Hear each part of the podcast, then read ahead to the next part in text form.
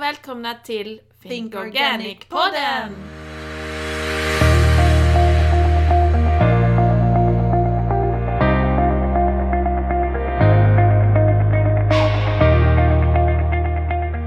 Det är jag som är Charlotta. Och det är jag som är Ulrika.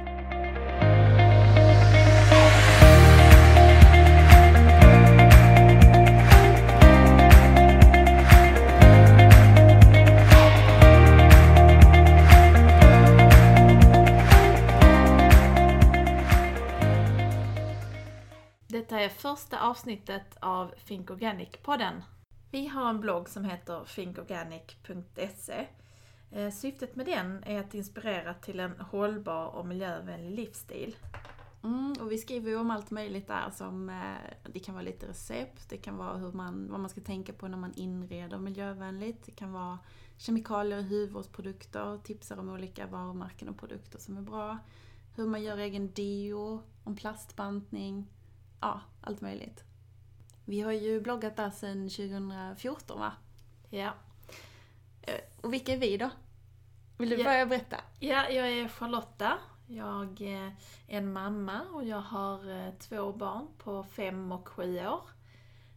Och precis som du Ulrika så driver vi ju bloggen på mm, fritiden så att vi Mm. har egentligen andra heltidsjobb. Fast vi har ju bloggat eh, ganska länge innan Think Organic också. Det här är vårt liksom gemensamma projekt. Innan dess så hade vi egna bloggar men mer om inredning och foto och sådär. Ja, precis. Och nu så bloggar vi på thinkorganic.se.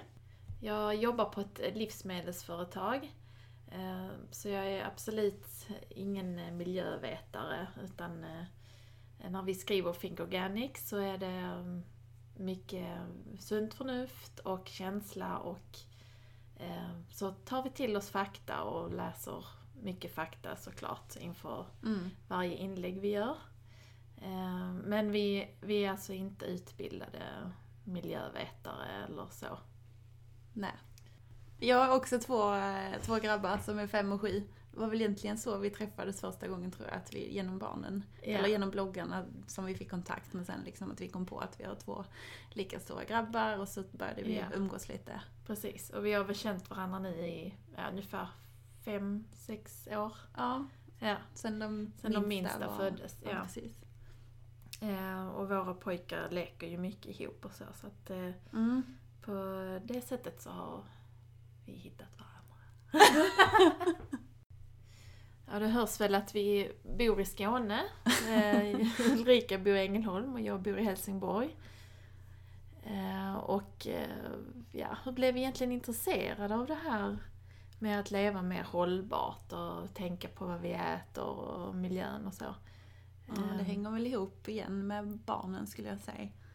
Eller hur började det Ja. för dig? Ja, jo men det var nog, ehm, det började nog först när jag blev anställd på ett livsmedelsföretag. Eh, och då, Mm. eh, då hade jag jobbat där ett år och så var jag på en mässa och då var det en ekomässa. Och då, då fick jag upp ögonen för det här med ekologiskt och då var det ett föredrag om ekologisk mjölk och ekologiskt mejeri, mejeri var det som hade föredraget. När var det här då? Det var 2000... Det måste vara 2008 eller 2009, Mm. tror jag.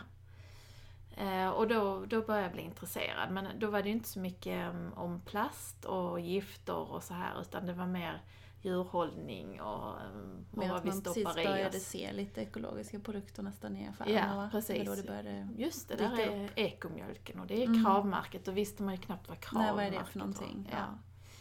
Ja, så det var så det började för mig. Och sen så blev det ju då som du sa, när man fick man blev blev gravid och fick barn, då blev det ju en helt annan sak. Då blev man mer intresserad. Mm, Jag vet du berättade för mig en gång om det här med att barnmorskan sa att man inte skulle använda sköljmedel på när man tvättar barnens kläder, eller bebisens kläder. Eh, Och att det liksom väckte någonting i dig där. Ja, precis. Jo, men det gjorde det. Eh, Och likadant att hon sa eh, att man inte skulle använda våtservetter Mm. på bebisns rumpa och så här när man bytte blöja. Och det då, då, då man började tänka till att varför ska jag inte göra det? Och då, Det är ju någonting som alla gör liksom. ja, Eh, Mm. Och då, då var man lite blåögd och trodde att eh, myndigheterna har koll på allting och att Mm. allting testas och kontrolleras och Och att det man kan köpa i affärer, det kan man väl använda. Ja, liksom. precis. Det var ju det man trodde, men, men så är det ju inte tyvärr. Utan man måste som konsument eh, kolla upp ingredienser, man måste vara vaksam, man måste fråga i butiken, man måste fråga hela tiden för att få veta någonting. Och det som är lite obehagligt med allt är ju att man vet ju inte så mycket. Det är ju mycket magkänsla, mycket sunt förnuft. Det finns ju inte så jättemycket forskning på det här heller. Det kommer ju Nej. liksom nya rön hela tiden om vad som är farligt och vad som är cancerogent och vilka kemikalier man ska undvika. Ja, Ehm. precis. Det, så kommer det något nytt att nu är det en forskning som eh, tyder på att den här kemikalien inte är bra och då, ja, då ersätter man den med någon annan och då, Mm. då är det den här cocktaileffekten. Ja, hur det Eh, påverkar hur det tillsammans. påverkar, alla kemikalierna påverkar tillsammans för det är ingen som har gjort någon test eller forskning. Det är ingen som vet hur alla de här kemikalierna som vi har i vardagen, hur det påverkar våra barn eller hur det påverkar oss på lång sikt. Mm. Och det är det som är lite läskigt. Så antingen kan man ju välja att liksom blunda för det och bara, ja det får gå som det går. Eller så gör man vad man kan. Ja, Och där försöker vi väl då inspirera lite Ja, till små förändringar som i vardagen liksom. ja, som kanske blir stora för ditt barn för att på, på lång sikt så tror jag att eh, man, måste, man måste tänka lite längre. Och så börjar man någonstans och sen Mm. så kanske man blir mer och mer intresserad och så tar man det liksom ett steg i taget lite längre. Ja, Jag har ju alltid varit intresserad av mat och matens ursprung. Jag är uppvuxen på landet och eh, med föräldrar Mm. som odlar grönsaker och potatis och så. Och jag tror att det liksom ligger nära till hands att man blir intresserad av ja, att det ska vara närproducerat, man vill veta var maten kommer ifrån och man vill veta vad det är för någonting man äter och tillagar och sådär. Så det Ja. brinner jag fortfarande för då, mycket. Ja, ja, där är vi lite olika för jag är ju inte uppvuxen alls på landet på det sättet. Så jag kan förstå att du, ehm, du tänker lite mer i de banorna. Ja, fast nu jobbar Mm. du ju mer med det här så att det har väl liksom... Ja, Eh, Men annars var det ju, alltså miljöintresset var ju för mig absolut när jag hade små barn. ja, eh, Som jag fick upp ögonen för det. ja, det är ju ofta så när man får små barn och man får ett ansvar för Mm. eh, ett litet liv så vill man ju göra det så bra som möjligt. Mm. Då har man inte bara ansvar för sig själv. Precis. Men vi tänkte väl att vi skulle prata lite om hållbarhet i det här första avsnittet. Eh, Ja. För hållbarhet, det kan ju vara ganska mycket olika saker. Ja, hållbarhet kan ju vara... mm, Ja, men- eh, alltså, det finns ju flera olika perspektiv. Mm. Hållbarhet eh, för eh, producenten, alltså producerar varan till exempel. Hur, de, hur förhållandena är, om vi tar till exempel kaffe som exempel. Hur, det, hur förhållandet är på odlingarna. Eh, De som jobbar där, har de bra arbetsvillkor? Eh, Är det en giftfri miljö? Är det, ja, hur är de sociala bitarna? Mm. Och sen då när kaffet kommer hit och vi dricker det, hur påverkar det oss då om det har funnits gifter när man eh, odlade det? Ja. Eh, Så det är både hos producenten och sen då när vi eh, dricker det. Ehm, Ja. Och eh, hur det fraktas hit till exempel. Precis. Det är ju en eh, ja, hållbarhetsaspekt att man eh, har man liksom använt flygfrakt? Är det båt? Är det hur långt borta kommer det ifrån? Och, ja, kaffe kommer ju rätt så långt bort ifrån. Ja, precis. Just kaffet är det ju kan man ju inte att riktigt odla här. Nej, Nej. tyvärr. Men liksom hållbart att det är i stort sett någonting som ska fungera i längden. Någonting som fungerar under lång tid. Ja, Och sen kan det vara både eh, miljön, hur det påverkar oss själva och hur det påverkar de som har tagit fram råvaran eller produkten. ja. Så både närmiljö, person och planet liksom. Ja, precis. Och då kan man ju tänka, för min del så, så är jag ju lite egoistisk och tänker att jag vill inte att mina barn ska ha rester av bekämpningsmedel i sin kropp. Jag vill att de ska ha ett giftfri, giftfritt liv här hemma.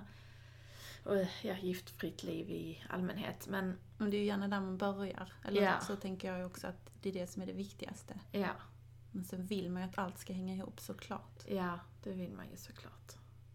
Ska vi ta ett, ett annat exempel? Ja, vi kan ta Ehm. shampoo Mm. till exempel. Precis, om man då börjar med sig själv så undrar man ju vad är det jag får eh, på min hud och i mitt hår när jag tvättar håret med det här. Eh, många schampon innehåller ju såna här billiga sulfater, kemikalier som är billiga. Mm. Eh, används mycket hygienprodukter, schampon och tandkräm och tvålar och sådär. Och då Ja. undrar man, hur påverkar det mig när jag får det eh, på min hud? Är det något som jag skulle kunna få cancer av till och med? Mm. Ja, och sen så finns det också, man kan tänka på hur det påverkar miljön när det rinner ner med avloppsvattnet Exakt. ut i naturen. Eh, vad, vad har det för påverkan för fiskar och naturen? Mm. Eh, och sen så går förpackningen att återvinna till exempel. Mm. Är den Eh. tillverkad av ett förnyelsebart material eller är det plast? Ja, precis. Och sen Mm. så kan man också tänka så, eh, schampo testat på djur och Mm. var är det tillverkat? Är det tillverkat i Tyskland eller är det tillverkat på andra sidan jordklotet? Mm. Och det påverkar ju också miljön och eh, hur man fraktar hit det. Och råvarorna, hur de framställda, är de odlade på ett bra sätt? Eh, Och hur har eh, de som jobbar på fabriken det och så vidare? Andas Mm. de in kemikalier? Ja, så man kan Mm. ta det liksom i olika lager Ja, utifrån sig själv. Ja precis. Ja, vi kan ju ta ett annat exempel. Eh, vad ska vi Ja, ta? men flis till exempel, då, Ja. då ju- tänker man ju att eh, man köper en, eh, någonting bra. Flis är ett återvunnet material tillverkat av gamla petflaskor och sådär. Mm. Mm. Men sen kanske inte det är så bra i nästa led. Nej, inte om man ska tvätta det för då, då släpper ju flis ifrån sig en massa plastpartiklar, små mikroplastpartiklar som eh, följer med ut i naturen och det, det är inte så, så jättebra. Så därför ska man undvika att tvätta flis utan man ska hänga ut och vädra istället. Och så är det väl egentligen med det mesta, att man ska försöka tvätta så lite som möjligt när det gäller textilier. Eh, Och hänga ut och vädra istället. Så, så man sparar på miljön. Mm. Och på kläderna, de håller längre. Precis. Och man kan Mm. våttorka ganska kraftigt smutsiga barnkläder också. Man Ja. måste inte köra dem i tvättmaskinen. Nej. Man kan torka med en fuktig trasa bara. Få Ja, bort det mesta. ja, precis. Och det finns ju jättebra ekotvättmedel eh, som har ekomärkningar eh, som, som funkar bra. Har något exempel på någon bra märkning där? Exempel på tvättmedel som är bra det är, eh, för miljön då, det är ju de som är miljömärkta. Med Svanen, eller allra helst Bra miljöval för att de har lite strängare regler än Svanen-märkningen. Mm. Eh, och det är den här falken. Mm. Ja. Och sen sköljmedel skippar man bara. Ja, Mm. precis. För det behövs faktiskt inte. Nej, det behövs inte. Eh, Det blir fräscht och luktar gott och rent utan sköljmedel. Och mjukt. Folk tror ju inte det, men så är det. Men vad är det som är dåligt med sköljmedel då? Eh, Sköljmedlet innehåller ju kemikalier. eh, Det är därför det luktar ju väldigt starkt. Mm. Eh, Det innehåller kemikalier och falater som är hormonstörande ämnen. Och det är ju inget, det är lite läskigt att ha det på huden sådär på textilier och kläder. Mm. Vi har ju skrivit om sköljmedel och vad man kan använda istället på bloggen. Så att man kan bara gå in och söka där tycker jag om man vill veta mer. Ja, sök bara på sköljmedel så kommer det upp. Mm.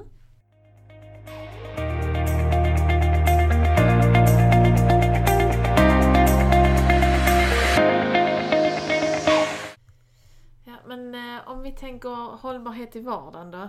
Mm. Det är mycket Eh. man ska hinna med liksom. Man ska jobba, handla mat, hämta, lämna barn och ja, få ihop livspusslet liksom. Och sen Ja.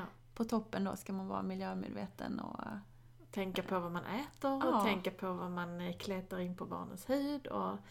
Ja, det men är man, ju det gäller, upplagt för dåligt samvete. Ja, och det är ju det, just det det gäller att inte få dåligt samvete. Utan att man tar en liten bit i Mm. taget. Man tar några små saker och ändrar på. Och man försöker ändra på sin livsstil då. På det man kan i, genom i små att steg. ändra. Ja, Och det, då tycker vi att det är jätteviktigt just att man inte kommer med massa skrämselpropaganda och pekpinnar utan att man istället försöker se det som något inspirerande och roligt. Ja, precis. Så att man inte heller liksom bara blundar och tänker att det är kört, det finns inget jag kan göra. Nej. Nej, det är det, är det hemskaste tycker jag, om man bara står på huvudet i sanden och tänker att ja, ja, det kan jag ändå inte påverka så då, då vill jag inte säga det. Precis. Eh, Det är ju bättre att ta små, små steg och så kommer man dit man vill till slut. Men just när det gäller miljötänk så tänker jag att det verkligen är många bäckar små. För det hjälper inte om, om jag lever 100% hållbart och Mm. alla andra lever precis tvärtom så spelar det ingen roll vad jag gör liksom. Så det, är- Nej. det är ju verkligen tillsammans och många bäckar små som gäller. Ja, Och precis. liksom de här gamla flosklerna om att ingen kan göra allt men alla kan göra någonting. Men det, det är ju Ja. verkligen så. Och som det är just nu så är det ju verkligen en stor kris. Det är, klimatkrisen är här, även om vissa stora makthavare vägrar inse det. eh, så är det ju faktiskt så att det är plusgrader på, på Sydpolen och, ja, Mm. och här är det jättekallt. Mm. Så att eh, det är ju något som inte stämmer med klimatet just nu. Så det viktiga är ju också att man liksom sprider de här små tipsen, tycker vi. Ja, För att just att det handlar om mängden, att många gör rätt eh, och tar små steg åt rätt håll än att några Ja. få gör 100% rätt. ja, många tar medvetna små val. Ja. Så blir det stort. En liten men bred förändring har större effekt liksom än att eh, några få gör Ja. drastiska förändringar i sin vardag. Ja. Det, man kan ju ta till exempel det här med bananer. När man kom på att eh, man skulle äta ekologiska bananer för att de var så himla besprutade. Mm. Eh, från början var det svårt att hitta ekologiska bananer.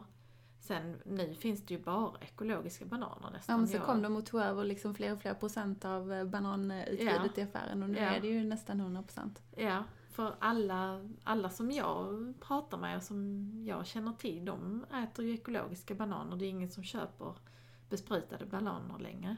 Och där ser man också vilken makt vi konsumenter har. Ja, Att det vi vill ha, det är det affärerna tar in. precis. Så är Så välj någon, ekologiska produkter. ja, välj ekologiskt. Och är det någon produkt ni saknar som ni eh, vet finns ekologiskt i någon annan affär, fråga efter det i affären. För att Mm. de tar in det. Det är vi konsumenter som kan påverka.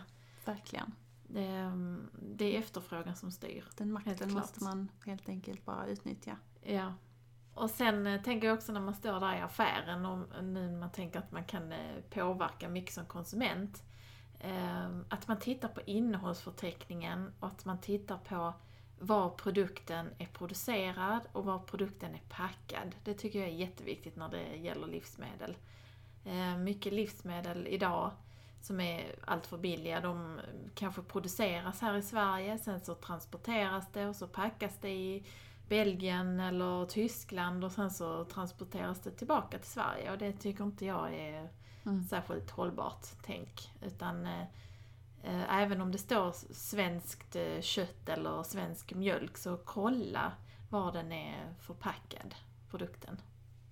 Och det står där bland innehållsförteckningen typ. Ja, det brukar stå eh, packad och producerad, eh, ja, var det nu är. Om det är Belgien eller Sverige eller, ja. Mm. Och ursprung. Ursprung är ju då var produkten är producerad. Själva råvaran. Ja, precis. Alltså man tänker ju rätt ofta att man helst av allt skulle man själv vilja producera sina egna råvaror, vara helt självhushållande. Ja, Odla sina egna grönsaker och liksom ha 100% koll på varje led. verkligen. Fast sen är ju det inte heller i nästa steg hållbart för vardagen liksom. Hur ska man få ihop Nej. det? Nej, det är ju ett heltidsjobb. Ja, då, då kräver Då får man välja man, den livsstilen liksom. Ja, precis. Så att det handlar ju om att hitta eh, nivån som funkar för en själv. Lägga ribban var man känner att man både vill och kan. Och så får man fråga sig vad, vad är det som är viktigast för mig? Eh, var Ja. hittar jag min inspiration och drivkraft i det här? I att leva Ja. hållbart.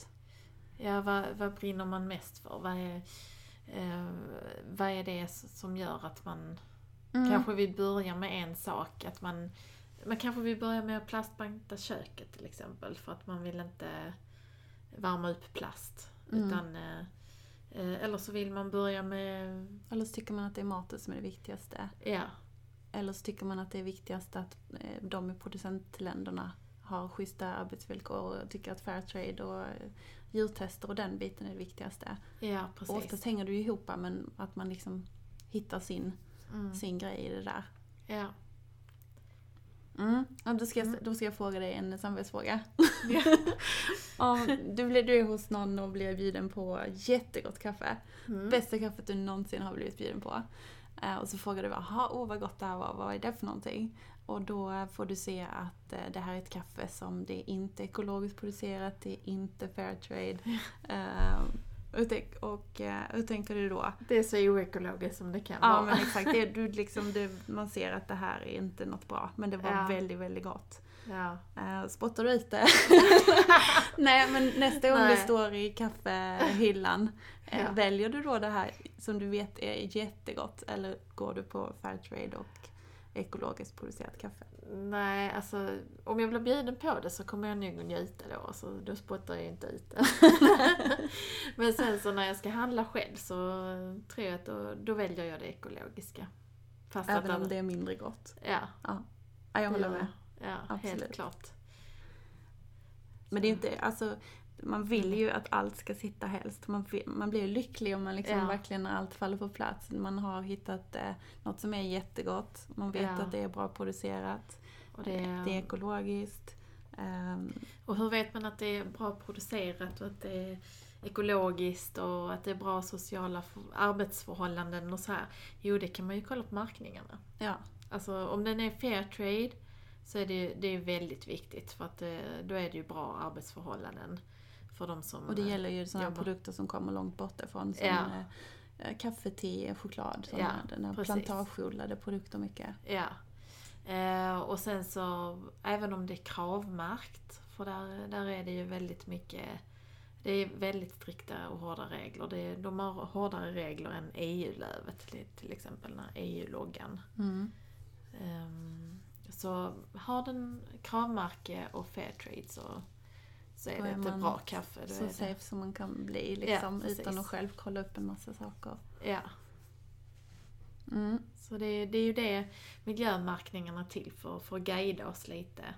Eh, Men sen så kan man ju inte, när det gäller vissa andra märkningar, när det är skönhetsprodukter och så här, man kan ju inte vara helt hundra på alla märkningar. En del, hittar, en del företag kan ju hitta på sina egna märkningar och det här är ekologiskt och så är det inte det. Och, Och ja. vissa märkningar behöver det inte vara så mycket av innehållet som är Nej. ekologiskt heller för att den ska få kallas för ekologisk. Nej precis, så det är, det är en liten djungel där. Men de stora märkningarna som KRAV, EU-lövet, Fairtrade, eh, Bra miljöval, Svanen. Alltså det är ju bra produkter som man De har kan... kommit en bra bit på vägen om Ja, man håller utkik efter dem. ja precis.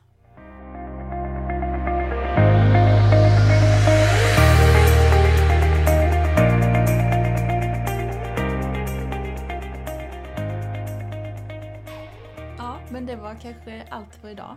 Ja, Sen tänker vi att vi tar upp lite olika ämnen här i avsnitten. Och det har vi Ja. inte riktigt spikat vad det blir heller. Nej. Men någon gång kanske vi djupdyker just i miljömärkningar. precis. Ehm, och någon gång kanske det kommer att handla om hur man kan ha ett barnkalas på ett lite miljövänligare sätt än traditionella barnkalas. De är inte sådär väldigt ja. hållbara kanske. Ja, nej.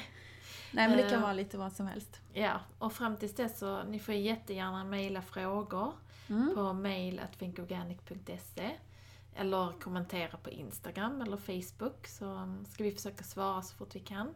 Ja, tipsa Eh, oss gärna om vad ni vill att vi ska Ja, prata om eller ta upp på bloggen eller så. ja. Kommentera gärna mycket för, um, så vi vet vad vi ska prata om och Annars skriva kanske det om. inte blir någon fler avsnitt. Men då tackar vi för idag. Tack så hemskt mycket för att ni har lyssnat. Ja, tack så mycket att ni har lyssnat hela den här långa podcasten. Kanske blir längre nästa gång. ja. Tack och hej! Tack och hej!